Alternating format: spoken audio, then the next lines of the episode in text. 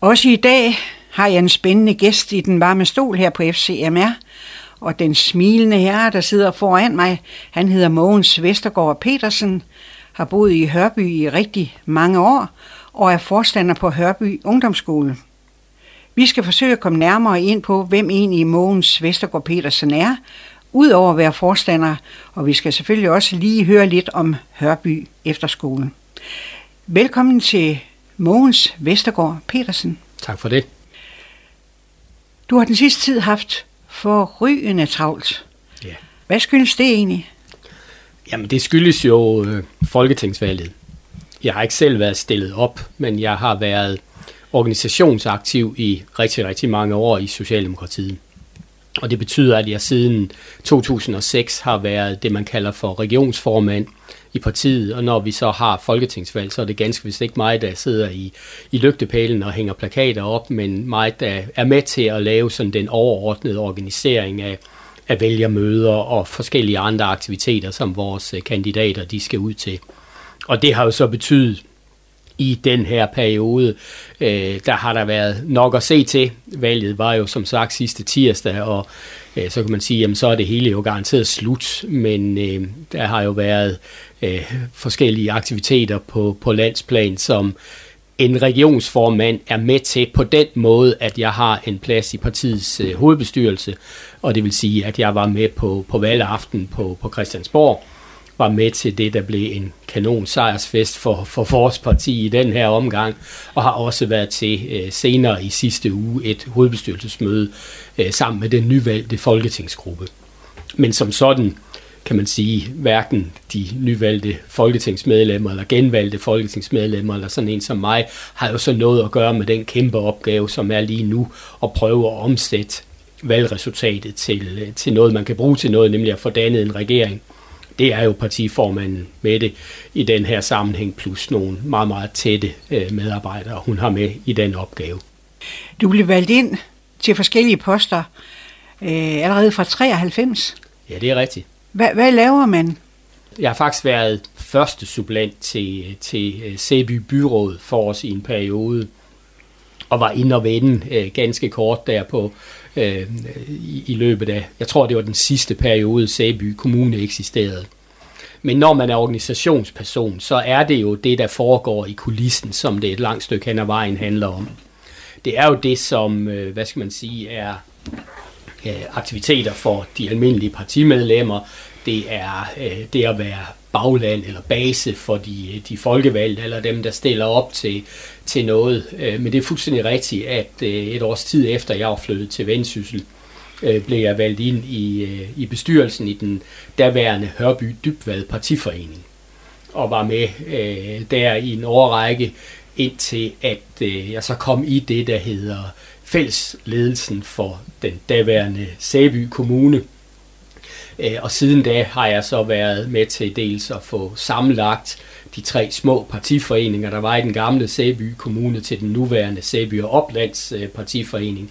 Og jeg har også været med i øh, det, der hed kredsbestyrelsen for Øh, den gamle Sæbykreds. Den gamle Sæbykreds er jo sådan set forsvundet ved det, at noget af den gamle Sæbykreds gik med her til Frederikshavnkredsen, og noget gik med til, til Brønderslevkredsen.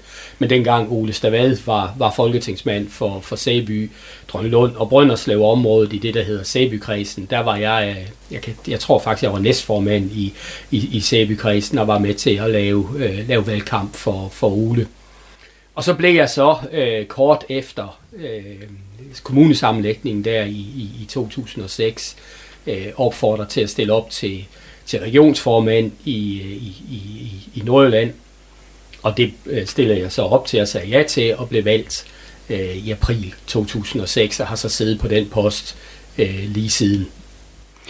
Er du øh, stadigvæk aktiv som formand? Ja, det er jeg. Øh, jeg er aktiv, øh, har nær sagt, et halvt års tid nu øh, fordi jeg har valgt at sige, når vi nu har repræsentantskabsmøde her til april i, i 2023, at så stiller jeg ikke op igen.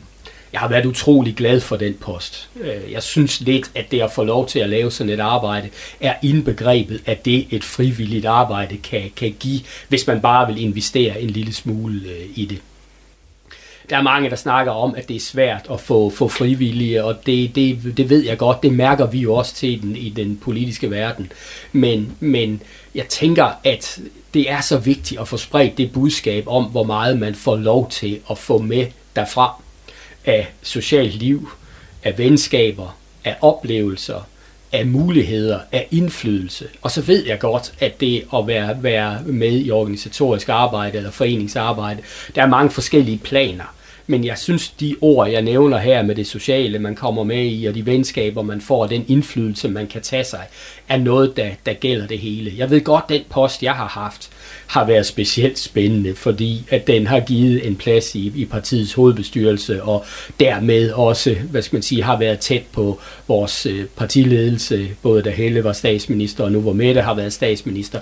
Det, det er jo noget, som, som er unikt, og som egentlig ikke ret mange får lov til, hvis ikke man lige er øh, decideret politiker og valgt til Folketinget eller noget.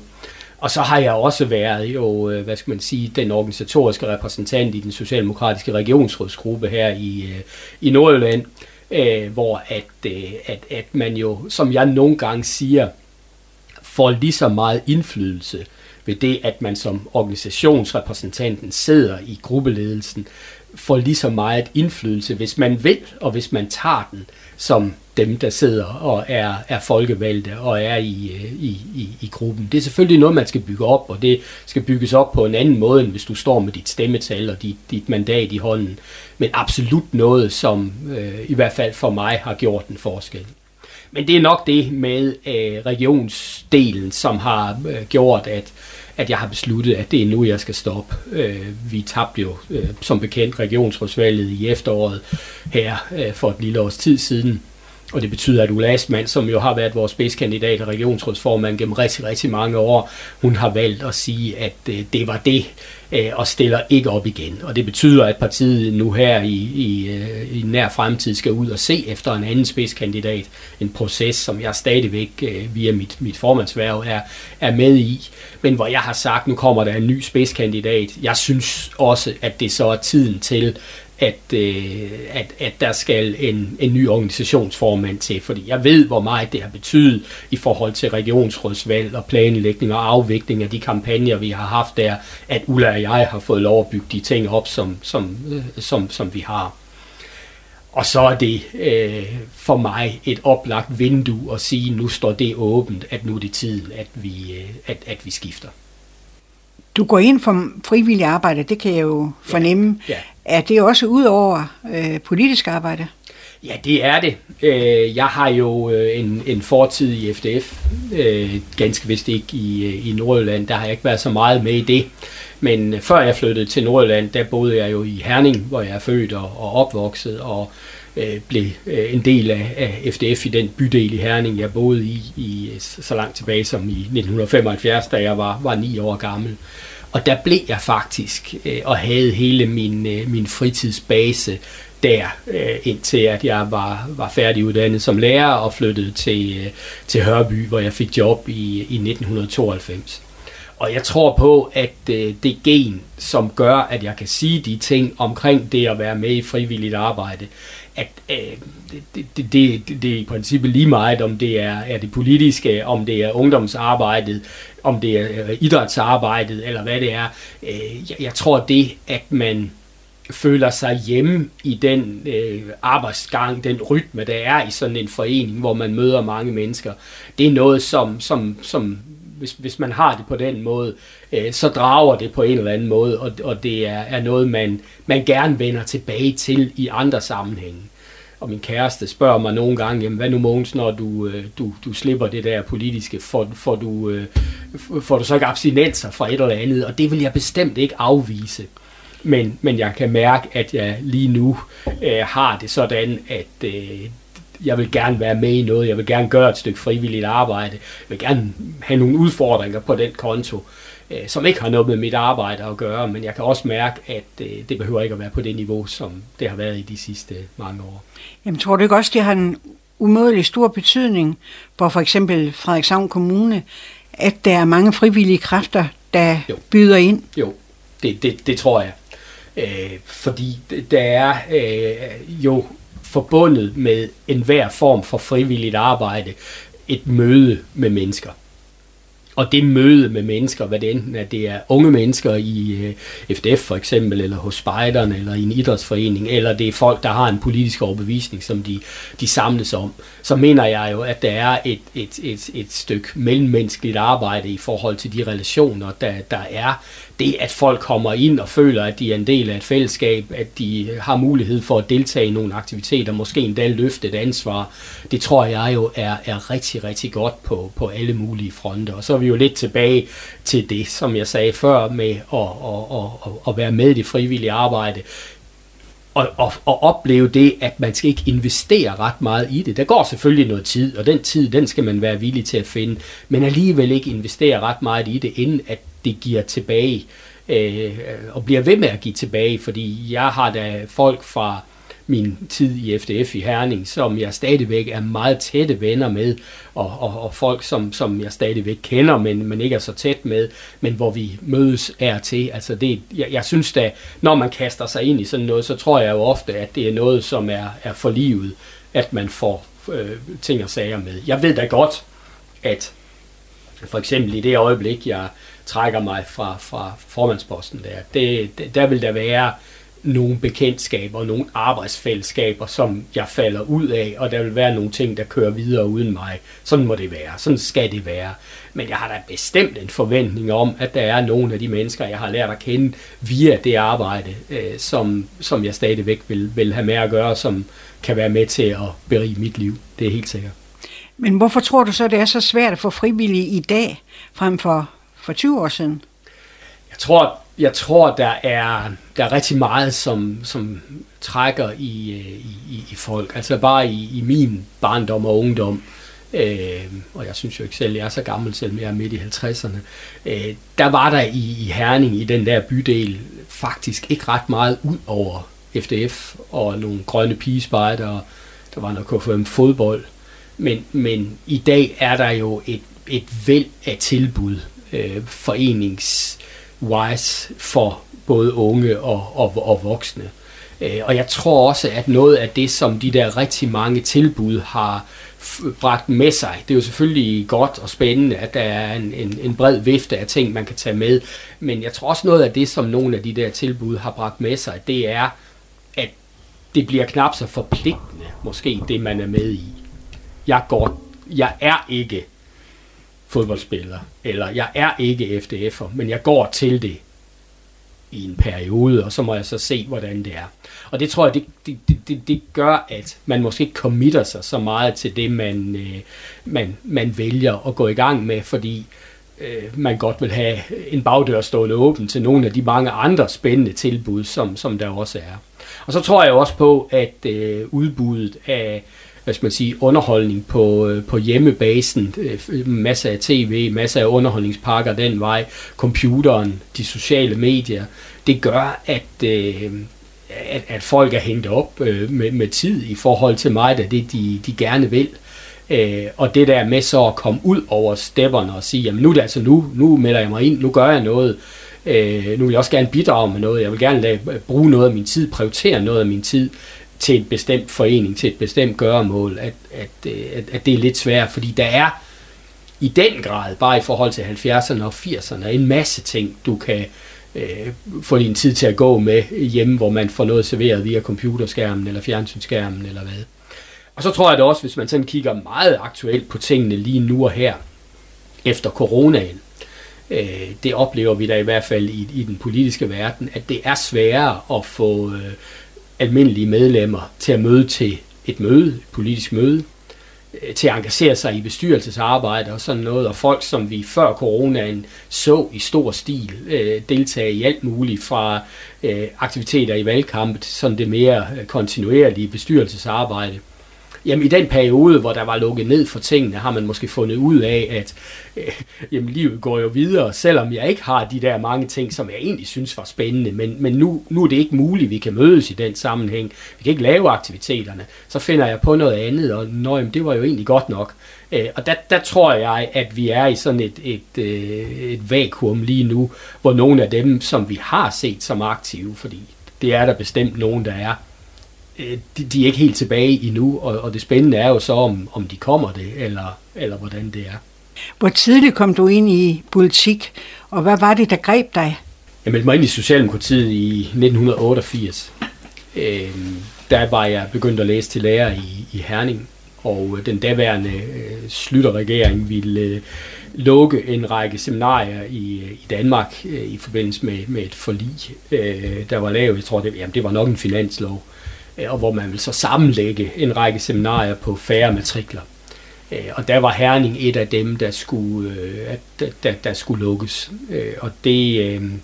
Øh, var jeg vældig berørt af og vældig irriteret over. Vi var en masse studerende, som lavede et, et stykke arbejde for, at det ikke skulle blive, blive vores seminarium, der, der, der lukkede. Vi pegede på øh, Øh, steder i, i landet, også i Vestjylland, hvor det var øh, sværere at få studerende på det tidspunkt, at kunne ikke forstå, at et seminarium som Herning øh, skulle lukke, fordi der var sådan set studerende nok til, til, til Herning, og nogen, der var nødt til at blive overflyttet til andre seminarier længere ude vestpå, som havde svært ved at fylde op. Øh, og der oplevede jeg så, at øh, den opposition, der var dengang, nemlig den, den, den skal sige, socialdemokratisk ledet opposition, var noget af det, som øh, øh, nogle af dem, der talte imod de planer, og jeg vidste jo godt, at jeg politisk lå cirka deromkring, men øh, det var så det, der gjorde startskuddet til, at jeg meldte mig ind. Men til jeg var i Herning, var jeg ikke øh, aktiv i, øh, i sådan en bestyrelsesarbejde. Der gik alt min tid med FDF og mit lærerstudium. Øhm, men da jeg så kom herop, og, og var jo pludselig kommet 200 km væk fra, fra meget øh, tætte vennekredse og sådan noget, og skulle til at og ligesom finde fodfæste i at have noget at give mig til ud over mit arbejde, jamen så endte det så med, at, øh, at jeg af forskellige kanaler kom, kom i bestyrelsen for vores lokale partiforening. Og så er det så taget, taget fart øh, derfra. Hvad er det ved politik, der griber dig? Jeg tror, det er diskussionen. Jeg tror, det er øh, argumentet. Jeg tror, det er, er, er, er livet i forhold til at trække øh, samfundet i en bestemt retning. Øh, men også den demokratiske samtale, hvor det der med, at man mødes på kryds og tværs af forskellige holdninger, er noget af det, som, som jo heldigvis, hvor uenig man end kan lyde, eller hvor uenig end Øh, hvad skal man sige, de professionelle politikere kan lyde, når de står og, og snakker sammen, så ved vi jo godt, at noget af det, det handler om, og noget af det, som langt de fleste af dem er bevidste om, det er, at man via den demokratiske samtale om de uenigheder, man har, når frem til et, øh, et resultat, et kompromis, et forlig, som kan omsættes til, øh, til handling eller til forandring i det samfund, man, man lever i. Det tror jeg har været, været øh, rigtig dragende. Men, men altså, Øh, jeg havde, øh, som sagt, engang en ambition om, at jeg gerne ville være byrådspolitiker og stillet op et par gange. Jeg har faktisk stillet op, lad mig sige, hvordan er det nu? Jeg har stillet op tre gange. Den første gang, det var faktisk så tidligt som i, i 93. Der, der fik jeg tre stemmer til byrådsvalget i, i, i Gamle Sæby Kommune, og jeg tænker stadig på, hvem var de to andre egentlig. øh, men, øh, men, men så stillede jeg op i, øh, i, i 97, øh, hvor jeg fik øh, en, en, en del flere stemmer, øh, men, men blev femte supplant eller sådan et eller andet. Og så ved, ved valget i 2001 blev jeg så øh, øh, første supplant. Så skete der det i, i mellemtiden, at så kom der jo en øh, kommunalreform, hvor at det at være politiker blev et, et noget mere tidskrævende øh, projekt, også i et byråd. Øh, og i mellemtiden var jeg jo så blevet forstander på, på Hørby, Øh, og, og der var jeg klar over, at hvis jeg skulle kunne passe det der forstanderjob og også have lidt fritid og, og lidt tid, hvor der ikke skete noget, der var planlagt i forvejen, så skulle jeg ikke være øh, byrådspolitiker. Og derfor blev det jo så mere eller mindre organisationsvejen, øh, som, som jeg holdt mig til, og, og faktisk, øh, ja, det var jo så i, i 2006, fik jeg så opfordringen til, til den her regionsformandspost, som jeg sidder på nu. Øhm, så, så altså, nu lige har, har det som sagt været, øh, hvad, hvad skal man sige, en, en kanon udfordring for mig, en, en, en kanon glæde ved at have det, øh, ved, ved at have det værv, men jeg tror da også, det er det, som har, har trukket mig væk fra at stille op til, øh, hvad skal man sige, byrådet eller regionsrådet på, på, på et senere tidspunkt, fordi efter jeg blev mere og mere dus med mit arbejde, mit nuværende arbejde som forstander, så kunne jeg måske godt finde tiden til det, men, men nu bliver jeg så grebet af det andet, og, og øh, ja, altså det har i hvert fald været lige så vigtigt for mig, som at, at, at kunne se mit navn på en stemmeseddel, det vil jeg sige. Det kan være, at det kommer i spil senere. Det ved man ikke. Det er 30 år siden cirka, at du flyttede til Hørby. Ja. Hvorfor, hvorfor øh, flytter du helt til Hørby, når du kommer fra Herning? Ja, det, øh, det er jo et godt spørgsmål, og øh, jeg havde det jo sådan, at jeg var, var født og opvokset i, i Herning, eller er født og opvokset i Herning, og har øh, levet mit liv indtil jeg var 26 år i, i den øh, by. Jeg havde en drøm om at komme, komme lidt væk fra Herning, prøve at bo et andet sted. Jeg ville rigtig gerne på, på efterskole, øh, men havde nok en plan om, at de der mange efterskoler, der ligger i det midt, og især det vestjyske, der var nok også en plads til mig dernede jeg har været i praktik på en efterskole, og via mit FDF-arbejde havde jeg sådan rimelig kontakter til i hvert fald en af efterskolerne dernede, øh, hvor jeg også lavede noget arbejde og sådan noget, men, men altså vi er stadigvæk tilbage i begyndelsen af 90'erne, og dengang, der var der ikke, hvad skal man sige, just mangel på, på lærere. Og når man var i en by som Herning, øh, hvor der var et seminarium, i hvert fald indtil til vores årgang var færdig, øh, der, der var det svært at få job. Øhm, i, og så var det, at øh, jeg kendte den, den daværende forstander, altså min, min forgængers øh, søn, øh, og, og han vidste jo, at der blev et, et job i Hørby, og det var så oven i købet med mine fag, nemlig dansk og tysk. Øh, så det skulle jeg da søge. Øh, og det, det synes jeg godt nok var, var langt væk øh, at skulle til Hørby. Og så skal det siges, at jeg sådan lige i første omgang vidste, der var noget, der hed Hørby ved Hobro. Øh, så jeg troede faktisk et langt stykke hen ad vejen, da jeg søgte jobbet, at det var Hørby ved Hobro, men så kunne jeg jo godt se, da jeg så var så heldig at blive kaldt til, til samtale, at der var noget, jeg havde været lige sådan lidt for, for, for overfladisk med, at det faktisk var Hørby i Vendsyssel og Hørby ved, ved Sæby, det, det handlede om. Øhm, og jeg kørte herop og, og, og, og fik øh, gennemført samtalen, og inden jeg var kommet hjem, dengang var der jo ikke noget, der hed mobiltelefon, så der lå en besked på min telefonsvarer, øh, som jeg havde derhjemme, om at øh, der var blevet ringet, og at, øh, at, at jeg var blevet indstillet til, til jobbet. Og så blev det jo lige pludselig alvor, men øh, jeg fik jo snakket med mine venner og mine forældre om det, og øh, vi blev enige om, at selvfølgelig skulle jeg da sige ja til det, altså en fast stilling, når det var, at han er sagt langt over halvdelen af de nyuddannede lærere blev ansat i, i, i tidsbegrænset vikariater, så var det jo da et privilegium.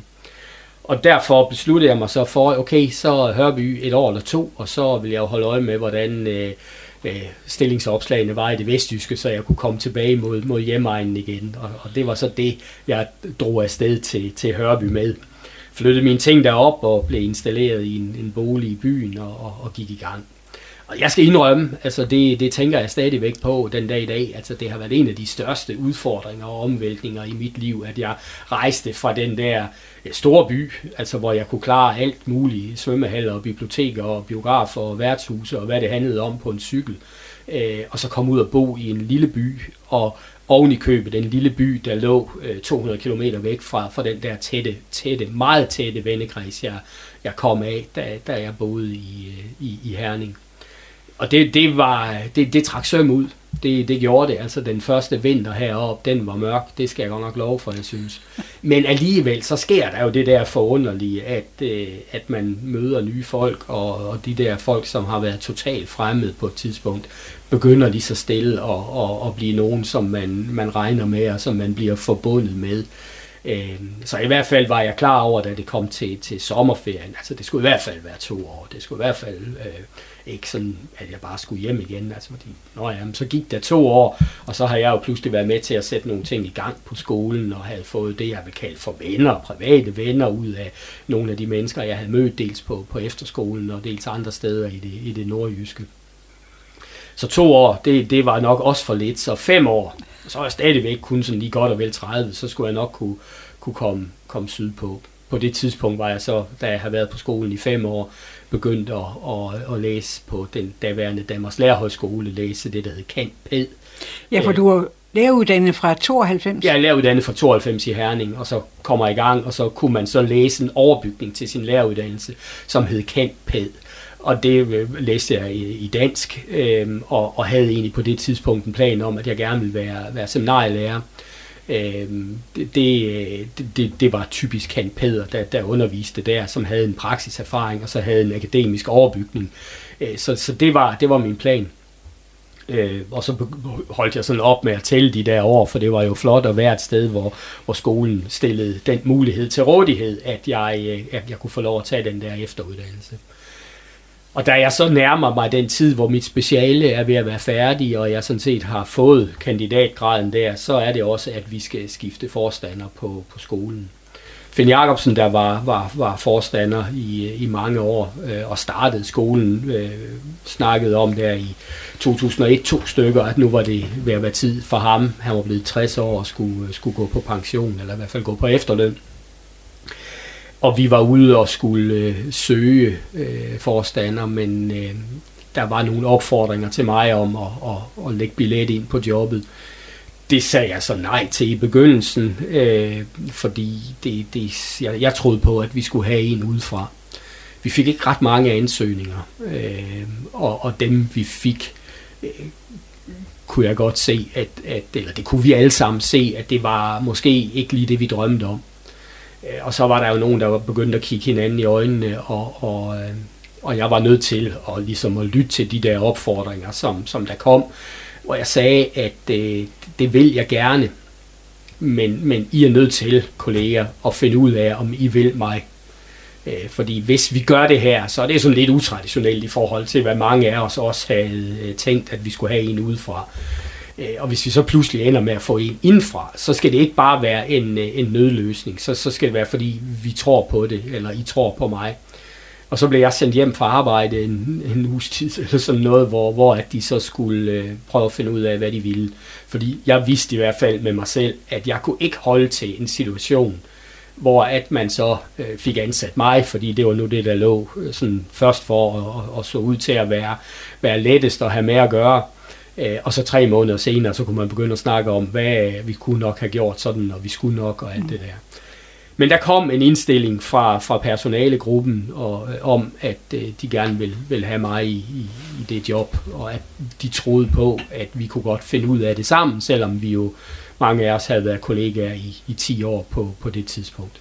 Så det var indstillingen til bestyrelsen, og, og, og så gik det jo sådan, som det, det gik, at jeg blev ansat, og og er der stadigvæk i det job, og er for mange år siden holdt op med at tælle, hvor mange år jeg har været i Hørby og i Nordjylland, og har nok droppet lidt planen om at skulle til det midtjyske, eller i hvert fald til Herning igen. Øh, og har også droppet planerne om at blive, øh, blive seminarielærer, som tanken egentlig var på det tidspunkt. Jeg tror, det job har ændret sig meget i forhold til, hvad det var, da jeg ligesom drømte om det. Øh, Øh, jeg er sensor på, på læreruddannelsen i, i dansk og i praktik og i, i forskellige ting. Øh, og jeg kan godt høre, at det er en anden verden, end, øh, end da jeg selv gik på seminariet, og, og der i, i slut 90'erne, begyndelsen af, af 0'erne. Stadigvæk et spændende sted, et spændende job, det tror jeg, men, men altså, jeg har jo også nået en alder, hvor det er, at, øh, at, at man skal sådan overveje, skal du blive i det, du, du har, øh, eller skal du ud og søge nogle andre udfordringer. Der, der tror jeg nok, at sådan som jeg har det lige nu, er jeg kommet frem til, at øh, jeg kan godt se mig selv i, øh, i forstanderjobbet øh, i, i, i nogle år. Hvornår blev du ansat som forstander? 2002. Startede med, med det i, i august 2002, og har så haft 20 års jubilæer med det job øh, nu her i, øh, i sommer. Hvad betyder Herning for dig i dag? Det betyder, at dernede har jeg min far.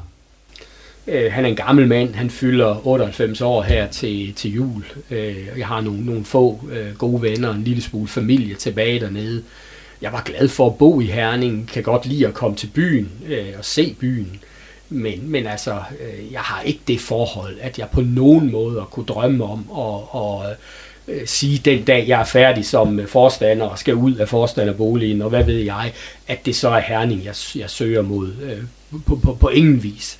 Øh, det skal også siges, at jeg i en, en moden alder har, har fået en kæreste, øh, og hun er i øvrigt efterskolelærer også på, på en anden efterskole end, end Hørby og bosiddende i Frederikshavn og, og, og er indfødt øh, Vennelbo, Så det betyder, at øh, der også lige pludselig er kommet et, et, et netværk og, og, og nogle forpligtelser og følelser den vej, som binder mig endnu mere til, øh, til, til øh, både Frederikshavn Kommune og nok også Frederikshavn By i den tid, der kommer efter mit, øh, mit job i, i Hørby. Vi har Mogens Vestergaard Petersen i studiet, forstander på Hørby Efterskole. Øhm, Mogens, hvordan så Hørby Efterskole ud, da du kom? Hørby Efterskole var en øh, skole, og er stadigvæk en skole med tilknytning til, øh, til Folkekirken. Øh, på det tidspunkt, der sad der tre baglandsforeninger i, i, i bestyrelsen. Det var Indre Mission, det var KFMK, som var Øh, med, og så var det Blå Kors. Indre Mission og Blå Kors var de to organisationer, der havde startet skolen i, i 72, og KFMK var så øh, kommet med. Det passede egentlig meget godt til mig, det bagland.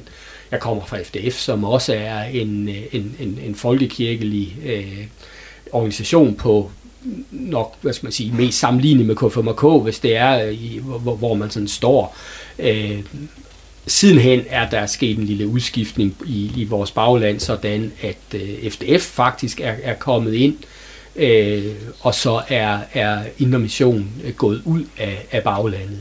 Og modsat mange andre efterskoler, hvor der har været store stridigheder øh, på det der kirkelige øh, baglandsplan, er det faktisk forløbet smertefrit og uden problemer i, øh, i Hørby. Øh, på, på elevsiden øh, er vi en skole for, øh, 9. og 10. klasse. På det, på det tidspunkt, hvor jeg startede, var vi en skole for 8., 9. og 10. klasse. Men vores størrelse har faktisk altid ligget omkring de der 130. Nogle gange 128, andre gange øh, 135. Men at vi er en skole, som har valgt at blive øh, på den størrelse. Da jeg startede, der var Hørby med, med godt og vel 130 elever blandt landets 10 største efterskoler. Øh, Øh, det er vi slet ikke. Det er vi slet ikke mere. Altså, der er kommet nogle store mastodontskoler med 4-5-600 elever. Der er rigtig mange skoler, som har over 200 elever, 250 elever, men hvor vi har valgt, at det er den måde, vi gerne vil drive efterskole på, hvor der er sådan stadigvæk sådan den der storfamilietanke, som jo ligger helt tilbage i noget grundtvig romantik omkring højskolerne. Øh, det, det, det kan man godt dyrke med, med, med, med 130 elever for mig sker der et eller andet, hvis man ikke kan samle hele elevholdet i spisesalen, i fællessalen, hvor, hvor man nu er, men hvor man skal til at, og mere eller mindre, hvad skal man kalde det, sektionsopdele øh, skolen, øh, hvor at, at dem, der har bestemte fag, er en sektion, og nogen, der har nogle andre fag, er en anden sektion. Der synes jeg, der går noget tabt. Jeg vil ikke på nogen måde kritisere de skoler, der har valgt at blive, blive store, for de kan også noget, men, men den efterskoleform og den efterskole, jeg gerne vil være med til at byde, skal ikke være ret meget større end, øh, end de der 130 øh, elever. Prøv lige at præcisere, hvor øh, skolen den ligger. Jamen, den ligger jo i Hørby. Øh, den ligger jo i, i det, som, som vi så også i den snak, vi har her, godt kan kalde Gammel Sæby Kommune. Den ligger jo ved, øh, ved Jørgingvejen. Hovedvejen mellem Jørgen og Sæby går jo lige gennem Hørby og, og deler byen i, i to. Det, der ligger syd for, det der ligger nord for Jørgingvej. Øh, og så ligger skolen jo sådan lige i udkanten af, af, af, af Hørby. Og der er vi jo så også lidt specielle i forhold til, at vi er meget bynære i forhold til, hvad, hvad mange efterskoler er, som jo ligger langt ude på landet. Øh, men det gør jo også, at vi har et, øh, et, et, et, et tæt forhold til, til Hørby by.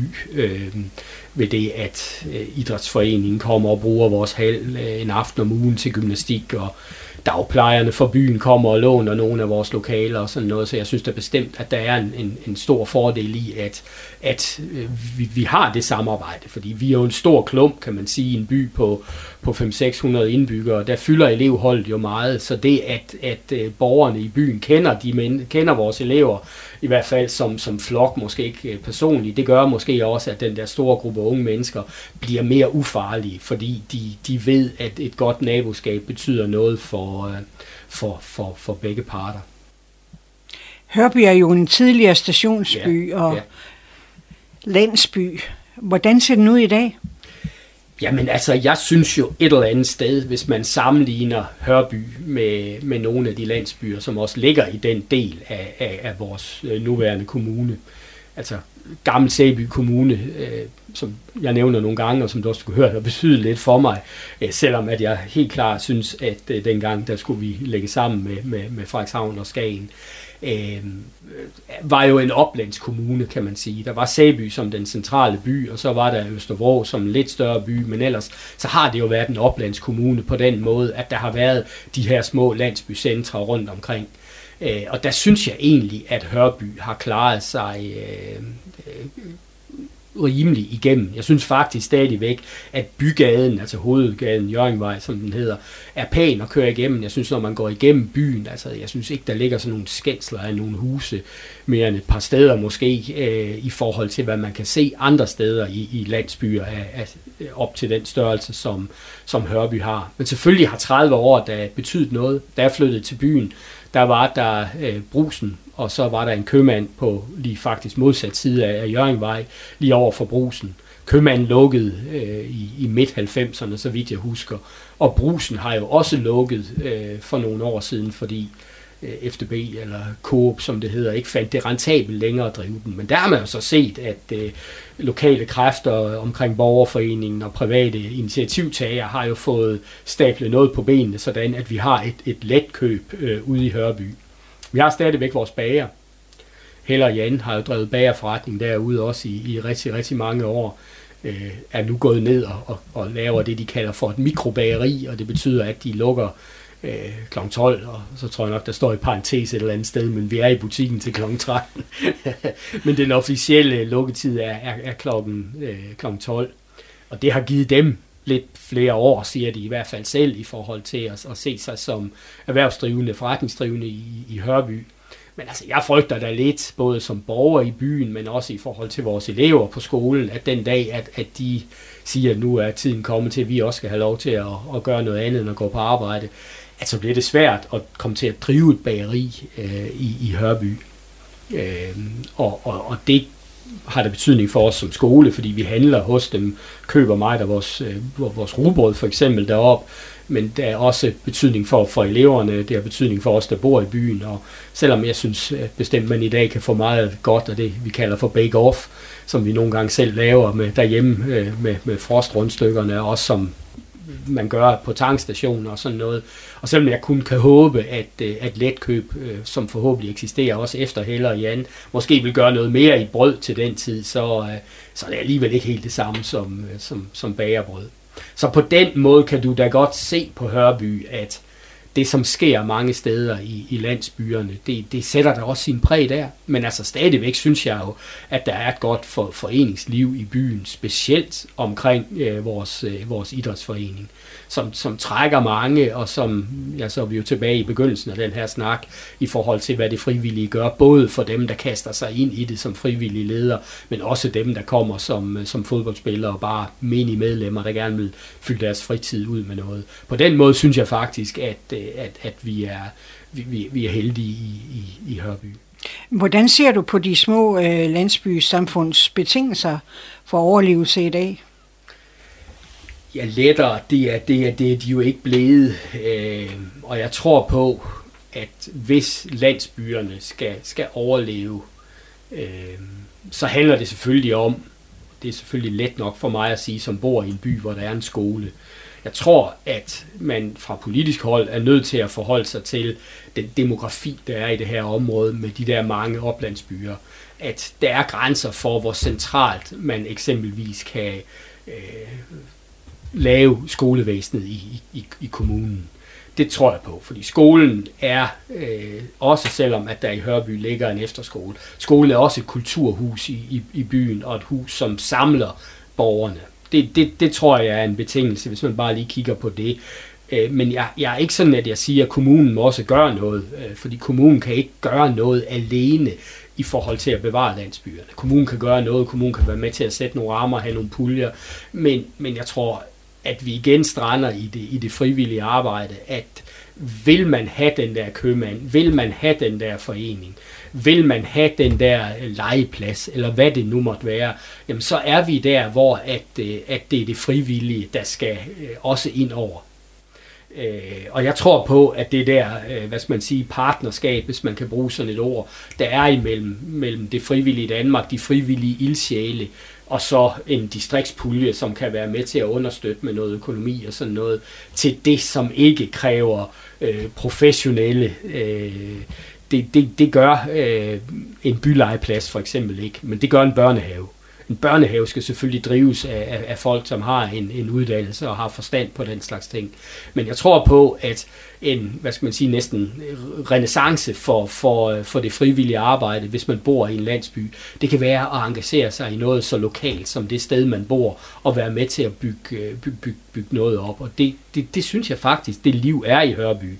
Og hvis man sådan følger lidt med i konkurrencer om at blive over til landsby og sådan noget rundt omkring i, i landet, så kan man jo også se, at, at, øh, der sker noget rigtig mange steder, og de, det er ikke sikkert, at alle bliver over til landsby, det, det er klart, det, det kan man ikke, men, men de steder, hvor man gør noget, der bliver øh, der er jo forskyndelse i landsbyen, både i forhold til at kigge på, men også i forhold til at, at, at bo i.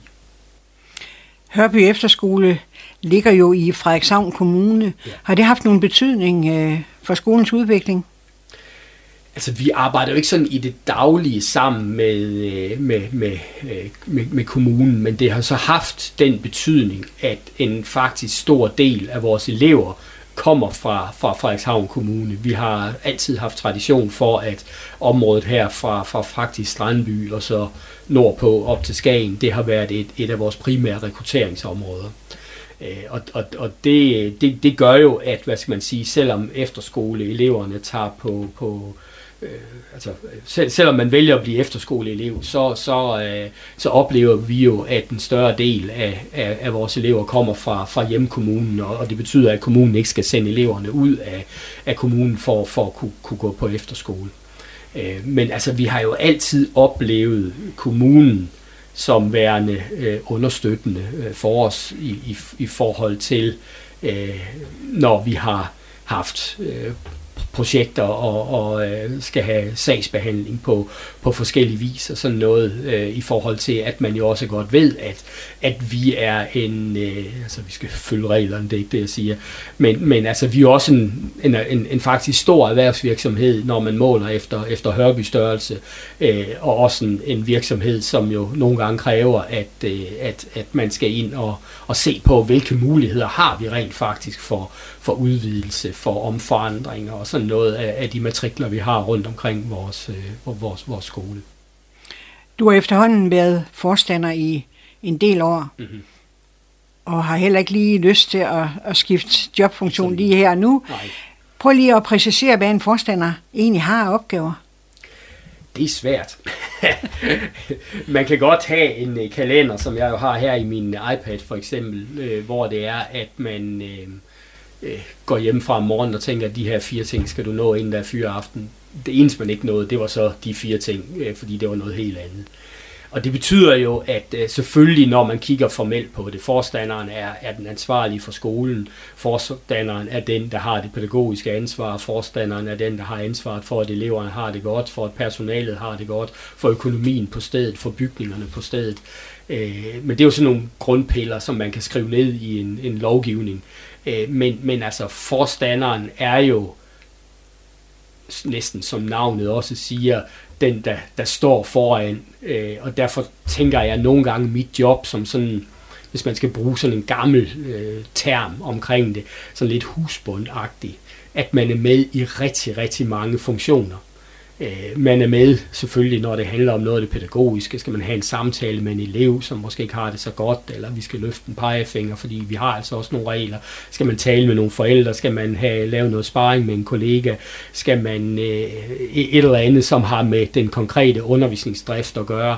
Øh, det skal man så lige have afsluttet, fordi øh, så skal man ud og hjælpe køkkenet med at finde ud af, hvad det er for en kipstejer, vi skal have købt, og senere på formiddagen, så skal man sammen med pedalerne ud og kigge på en tagrende, som, som øh, er det nu, vi skal skifte hele, eller hvad det er, vi skal. Så det er et enormt mangfoldigt arbejde. det, for, altså det der med, man kan sige, at, at der er ikke to dage, der er ens, det er sådan lidt en kliché, øh, og det vil jeg ikke sige, der ikke er i det at være forstander, men, men jeg vil godt nok sige, at, at det er ikke ret mange dage, som bliver bygget op sådan med de samme opgaver, der kommer igen og igen. Det er jo et, et, et arbejde, hvor at man ikke altid skal tænke på, at, at en arbejdsuge i Danmark er, er 37 timer, øh, men, men at der er øh, masse af ting, som man stort set hele tiden kan, kan tage fat på. Er det en form for 24 timers job? Nej, det, det er det ikke. Det, det, det er det ikke. Men, men, men altså det, på papiret jo, fordi altså er der brug for forstanderen kl. 11 om aftenen, så, så skal man stille op. Det, det er man sådan set ansat til. Øh, men, men altså, jeg skal ikke beklage mig over det, at, at jeg bliver hidkaldt øh, på tidspunkter, hvor, hvor der er nogle lærere på arbejde, som har aftenvagten, som vi kalder det. Men, men altså, øh, jeg har det da nok lidt sådan, hvis, hvis, hvis jeg egentlig skal gå lidt ind i den der, at i et øjeblik, der er elever på skolen, jamen, så er jeg ikke langt fra min telefon. Fordi øh, det er det, altså det er det, at, at vi får driften med eleverne til at køre, øh, som som er vores øh, primære opgave, og, og, og hvis der er noget, også når jeg ikke lige er på skolen, der skal, der skal forholdes til, man skal forholde sig til, jamen så er jeg en del af det øh, i nogen sammenhænge.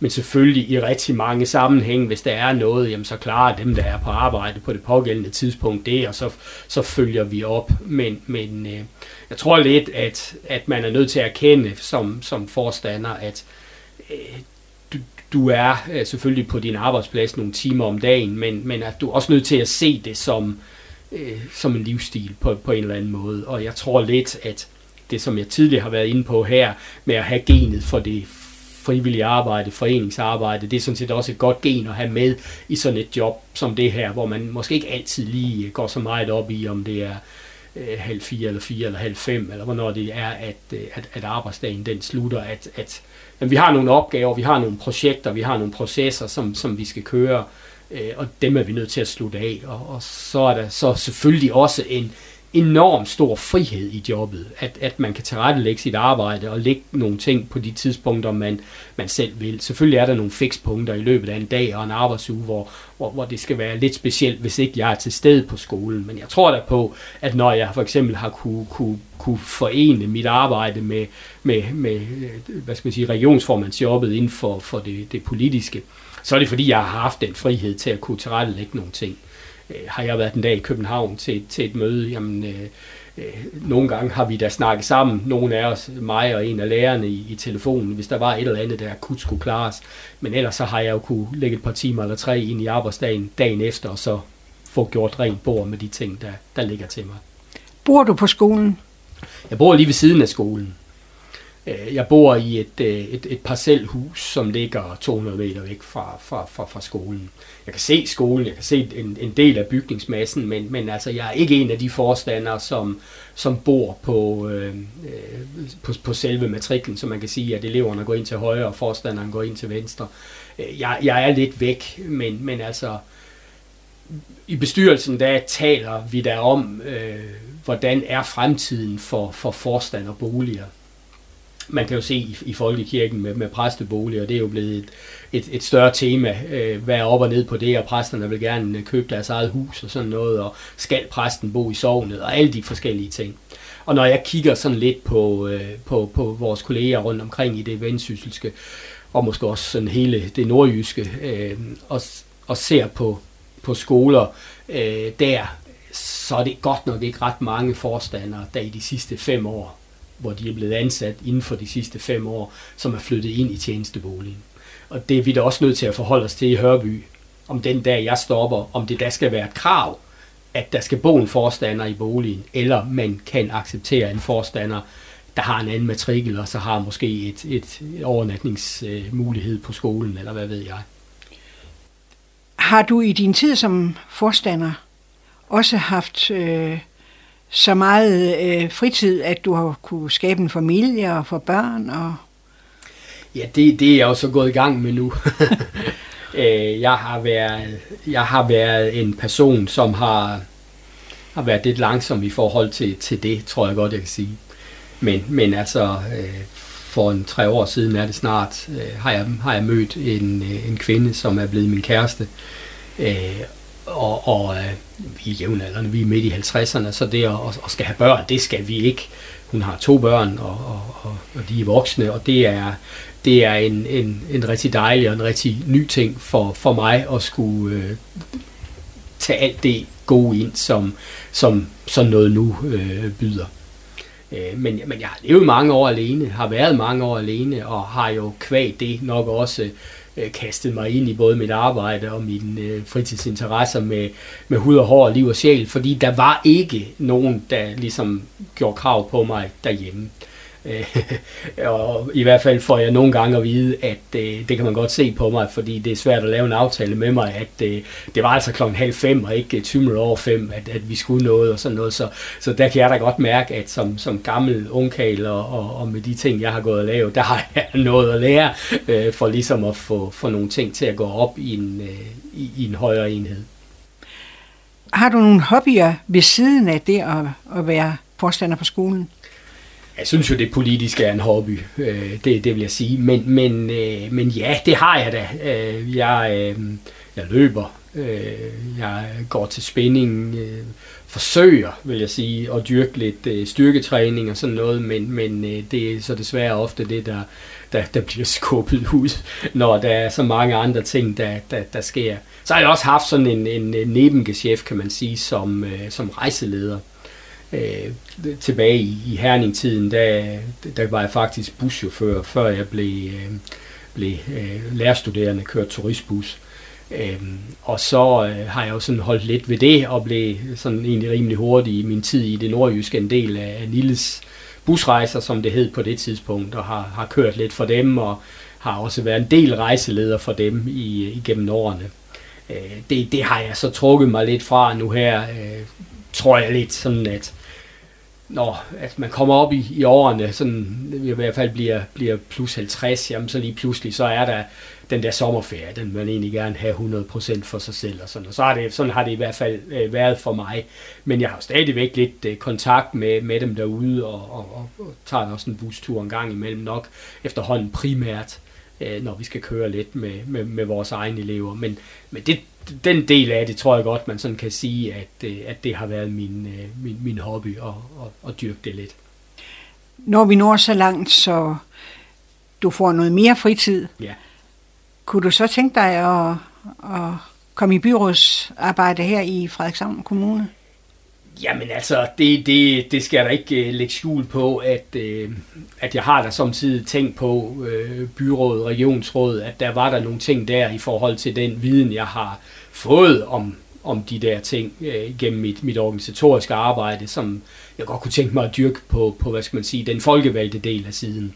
Men det er jo ikke noget, man sådan 100% selv bestemmer. Der skal jo for det første være nogen, som, som vil stille mig op, hvis det var man skal stille sig op af en, en, en partiforening eller en, en, en organisationsled øh, i hvert fald. Og så skal der jo være nogen, som, som stemmer på mig i sådan et omfang, at, at jeg kan komme ind. Men, men altså, jeg tror da, at øh, organisationsgenet spiller mig stadigvæk øh, det pus, at, at den tanke om, at det kunne da også være spændende at prøve, øh, det, det, øh, det, den ligger da ikke voldsomt fjern. Hvis du nu bare sådan rent hypotetisk forestil dig, at du var borgmester i Frederikshavn Kommune. Mm. Vi har Birgit, ja. som jo er en dygtig en af slagsen. Men var der så noget, du ville ændre på, hvis du fik muligheden? Altså, jeg er jo voldsomt enig med Birgit i mange, mange sammenhænge. Øh, det, det, det vil jeg sige. Øh, hvis jeg endelig skulle, øh, skulle pege på noget, ikke fordi jeg vil sige, det, det er dårligt, men, men, men, men skoleverdenen vil jeg nok have et meget vågent øje med i forhold til det skoletilbud, som, øh, som Frederikshavn Kommune giver. Hvis vi nu bliver i Frederikshavn Kommune, hvis nu du har gæster, mm. hvor viser du den så rundt? Jeg viser den gerne efter skolen. men, men ellers så, øh, så, så tror jeg oftest, at jeg kører en tur med dem til, til Sæben. altså turen ned ved, ved havnen og promenaden nordpå ud af, af byen der langs øh, Nordstranden og udad mod, mod campingpladserne. er, er en af mine øh, favoritsteder i, i mit nærområde. Også fået sommerhus derude nord for Sæby, og lige ude imellem de to campingpladser, så det er jo oplagt at gå den vej ud. Men, men altså, øh, ellers, hvis det sådan er, at, at man skal sådan for alvor vise kommunen frem, så kommer vi jo ikke, øh, så kommer vi jo ikke udenom Skagen. Øh, hele området herfra, øh, øh, hvad skal man sige, den nordlige kant af Frederikshavn og opad, øh, rummer jo en, en mængde speciel natur, som i den grad er værd at, at, at vise frem. Øh, men altså, selvom at, at mange af mine midtjyske venner og folk fra, fra, fra den del, ja, men så bor du da lige ved Skagen, siger de. Eller det sagde de, da det var nyt, at jeg boede heroppe. Ah, okay, der er jo lige så langt til Skagen fra, hvor jeg bor, som det er fra, fra Herning og så til Vesterhavet. Altså, det er jo ikke noget, man bare lige, øh, bare lige gøre. Øh, men det tror jeg også, at, at, at det har betydet, at når jeg har haft gæster heroppe, så har det været den der sydlige del af den nuværende Frederikshavn Kommune, som jeg gerne vil, øh, vil vise frem. Øh, for jeg synes egentlig, at, at Sæby har jo selvfølgelig ikke en, en, en turismeeffekt, som, som Skagen har, men jeg synes jo, Sæby er en, øh, en lille perle øh, i forhold til øh, byens øh, udformning, og jeg synes jo også, at det, at det jo i den grad er blevet en bosætningsby øh, for, for rigtig mange af, af borgerne i, i, i kommunen, er noget af det, som, som gør det dernede, at man kan se, at det er et område i, øh, i udvikling. Øh, men jeg synes også, naturen omkring Sæby, både oppe i skoven og lidt længere ind i landet, og ude ved, ved, ved nordkysten, som jeg snakker om, og ture ned mod Lyngså og sådan noget. Jeg synes bestemt også, at, øh, at, at min del af kommunen, hvis man kan sige det på den måde, har noget at byde på, øh, hvis man skal sammenligne sig lidt med, med, med flagskibet op i Skagen. Du har i en sen alder, det har du nævnt mm-hmm. et mhm. par gange, ja. fundet dit, din livs kærlighed. Ja. Kan vi høre lidt mere konkret om det? Jamen, det kan, det, det kan I godt. Øh, det kan vi godt snakke om. Altså, det, det, øh, det er jo som, altså det, det er jo sket som så mange andre i, øh, i, i vores tid, at vi, øh, vi har mødt hinanden på, øh, på de sociale medier, eller nej, undskyld, på, på, på dating. Øh, partner med niveau hed det. Og øh, det, det er sådan lidt en synkron historie, fordi det skete sådan øh, under den, øh, den første coronanedlukning og hvor jeg tror, at, øh, at øh, vi begge to har haft et øh, indholdsrigt liv, hvor vi har været alene i en, en årrække, har øh, været der, hvor vi har skabt hver især et, et aktivt fritidsliv, og har været med i masser af foreningsarbejde og sådan noget, som du kan høre, jeg fortæller om. Men havde begge to den der oplevelse, da alt så lige pludselig lukkede ned, at brr, det kunne da godt være, hvor man øh, en dag kommer dertil, hvor der ikke måske ikke er overskud til så meget foreningsarbejde, at det var ved at være tiden at skulle gøre lidt for, at der også var noget på, på hjemmefronten. Og det betød så, at øh, vi, vi egentlig begge to med den baggrund, øh, sådan næsten på samme tid, får, får lavet de der annoncer. Og så øh, kommer i gang og, og, og kommer faktisk ret hurtigt til at skrive med hinanden, øh, og, og, og, og, og finder ud af, at vi gerne vil mødes, men, men øh, det var jo corona, og det var den tid i coronaen, hvor vi var lidt usikre på, hvad, altså, hvor, hvor farligt er det her. Så det blev sådan først på, på den officielle dating-side, og, og, og derefter sådan på sms og sådan noget, vi, vi, vi skrev til hinanden.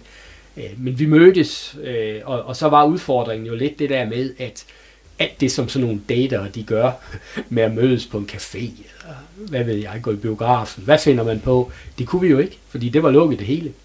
Så vi startede med at mødes i, i min campingvogn, som jeg havde, der stod nede på en af campingpladserne i, ved Sæby. Øh, det, det, det, det turde hun godt. Og så var det, at det var en hyggelig eftermiddag, og vi havde faktisk lyst til at mødes igen og sådan noget. Men så gik der jo ikke ret lang tid, for det var den mulighed, der var, at så begyndte vi jo at besøge hinanden. Og på den måde tror jeg egentlig, at vi sprang sådan det der café, restaurant, biograf led over og kom med sådan rimelig hurtigt øh, øh, tættere og tættere på hinanden. Og i hvert fald da det så blev, blev sommerferie, og landet sådan hen over sommeren 2020 var, var åbnet igen, da øh, var vi klar over, at øh, det her, det er vi nødt til at gøre noget ved. Det må give en del omprioriteringer ja. i dit arbejdsliv.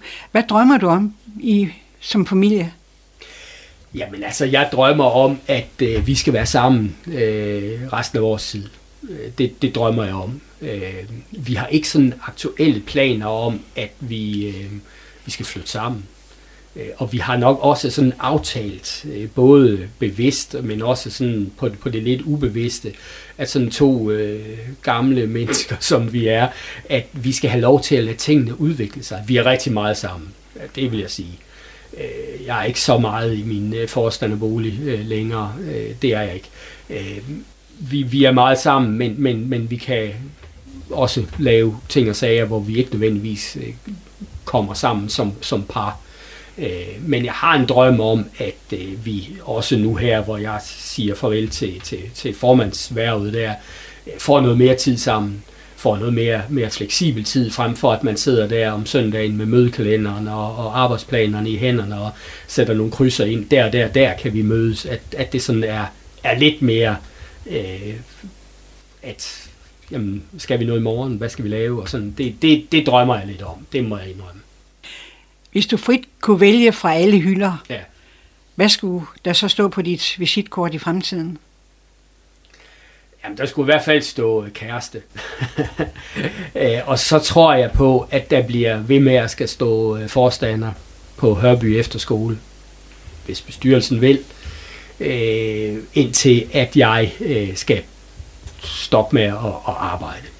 Og så kan det godt være, at jeg siger, at så kommer der en tid, hvor jeg ikke har et, et fuldtidsarbejde mere, men hvor at øh, en kombination af noget frivilligt arbejde plus noget øh, Øh, lønnet af i et eller andet antal timer om ugen, øh, om det så er en, en, en folkevalgt plads et eller andet sted med et vederlag, eller det er et arbejde, man, man søger og har x antal timer om ugen, som, som ikke er, er, er fuldtid, så kunne jeg godt forestille mig at trappe ud af arbejdsmarkedet på den måde. Men der er jo det med mit arbejde som, som forstander. Det man kan som lærer, det man i princippet også kan som viceforstander, det kan man ikke som forstander. Det er enten eller. Og derfor er jeg bevidst om, at øh, den dag jeg øh, begynder at tænke på, at øh, nu, nu tror jeg, at jeg trænger til, skolen trænger til, øh, at, at der skal ske noget andet, jamen så er det, så er det den fulde pakke, så, så skal jeg stoppe. Øh, men, men hvis det nu er, når jeg er 63 år for eksempel, og egentlig synes, at jeg har lidt mere at give af, jamen så, så glæder jeg mig egentlig til at skulle prøve noget, som er lidt mindre forpligtende i så mange timer, som det, det er at være, være forstander. Hvem har betydet mest for dig i dit liv? Jeg synes, der er mange. Altså det er jo, det, det, altså det er jo mine forældre, der har slået mig i gang. De, øh, de, de skal have den. Øh, så var der en tysk lærer på mit seminarium, som betød vildt meget for mig. Min øh, tidligere øh, leder, Finn fra, fra Sæby, som var forstander før mig, har betydet rigtig meget for mig. Min marker, som har været viceforstander her indtil for halvandet års tid siden, Ole, har betydet så meget for mig i det samarbejde og venskab, vi har haft. Og, øh, og min kæreste betyder rigtig, rigtig meget for mig lige nu. Så jeg, jeg synes ikke, jeg kan sige, at der er en, som har været den, den skældsættende. Du har efterhånden boet i Vendsyssel i rigtig mange år. Mm. Føler du dig som en Vellenbo? Det er svært jo. Fire generationer, inden at man ligesom er inde i billedet. Men det gør jeg nok. Øh, det, det gør jeg. Øh, jeg føler i hvert fald, at den tilknytning, jeg har fået i mit voksenliv til mennesker, til en egen, øh, der er jeg mere knyttet til Vendsyssel og Nordjylland, end jeg er til, øh, til det midtjyske. Altså selvfølgelig er der også hele det der arbejde med, med, med, det, med det politiske, altså øh, hvor jeg har siddet og arbejdet med tingene på det regionale plan og haft den der tætte kontakt til regionsrådsgruppen. Der er det, øh, der er det jo, hvad skal man sige, de der regionale opgaver med sundhedsvæsen og så videre, øh, kollektiv trafik, hvad, hvad har vi? Altså det, det har jo været med en nordjysk vinkel, og det gør jo, at man kommer til at kende demografien og de forskellige øh, udfordringer rundt i vores region på en helt anden måde, end jeg som barn og ung øh, lærte det, det midtjyske og det daværende Ringkøbing Amt og, og, og, og kende. Så jeg synes på mange måder, øh, øh, hvad hedder det, der, der føler jeg mig som, som, som nordjyde. Og så ved jeg godt, så er der sikkert mange gamle Hørbyborgere, der snakker om ham tilflytteren derude. Det, det skal jeg ikke kunne sige mig fri for. Men det er så også en Vennelbo, du har fundet dig som kæreste. Ja, det er det. Det, det, må, da, det må da trække opad. Har du aldrig tænkt på at flytte tilbage til Herning? Nej. I, jo, det, det er så måske sagt så firkantet, fordi de første par år, der tænkte jeg meget på at flytte tilbage til Herning. Men, men jeg vil sige, efter at jeg øh, fik øh, fodfæste i, i, i en vennekreds heroppe, fik fodfæste i det efterskoleliv, som, som vi nu kører på, på Hørby, øh, der er det, øh, der er det godt nok blegnet. Øh, og i dag, altså, der, altså, jeg sagde i mange år, hvis det var, at jeg fik et helt specielt job, som jeg vildt gerne ville have, og som tilfældigvis lå i Herning, jo, så ville jeg flytte tilbage til Herning. Men, men det job får jeg ikke. Altså, jeg har mit arbejde, og det er jeg glad for, og øh, til den tid, hvor, hvor jeg skal have et arbejde, der skal det være med base i, i, fra Frederikshavn. Hvis du skulle ud i fremtiden, sådan måske 10 år, ja. hvad ser du så? Jamen, så ser jeg, øh, så ser jeg mig selv som øh, pensioneret. Det må jeg være 66 om 10 år.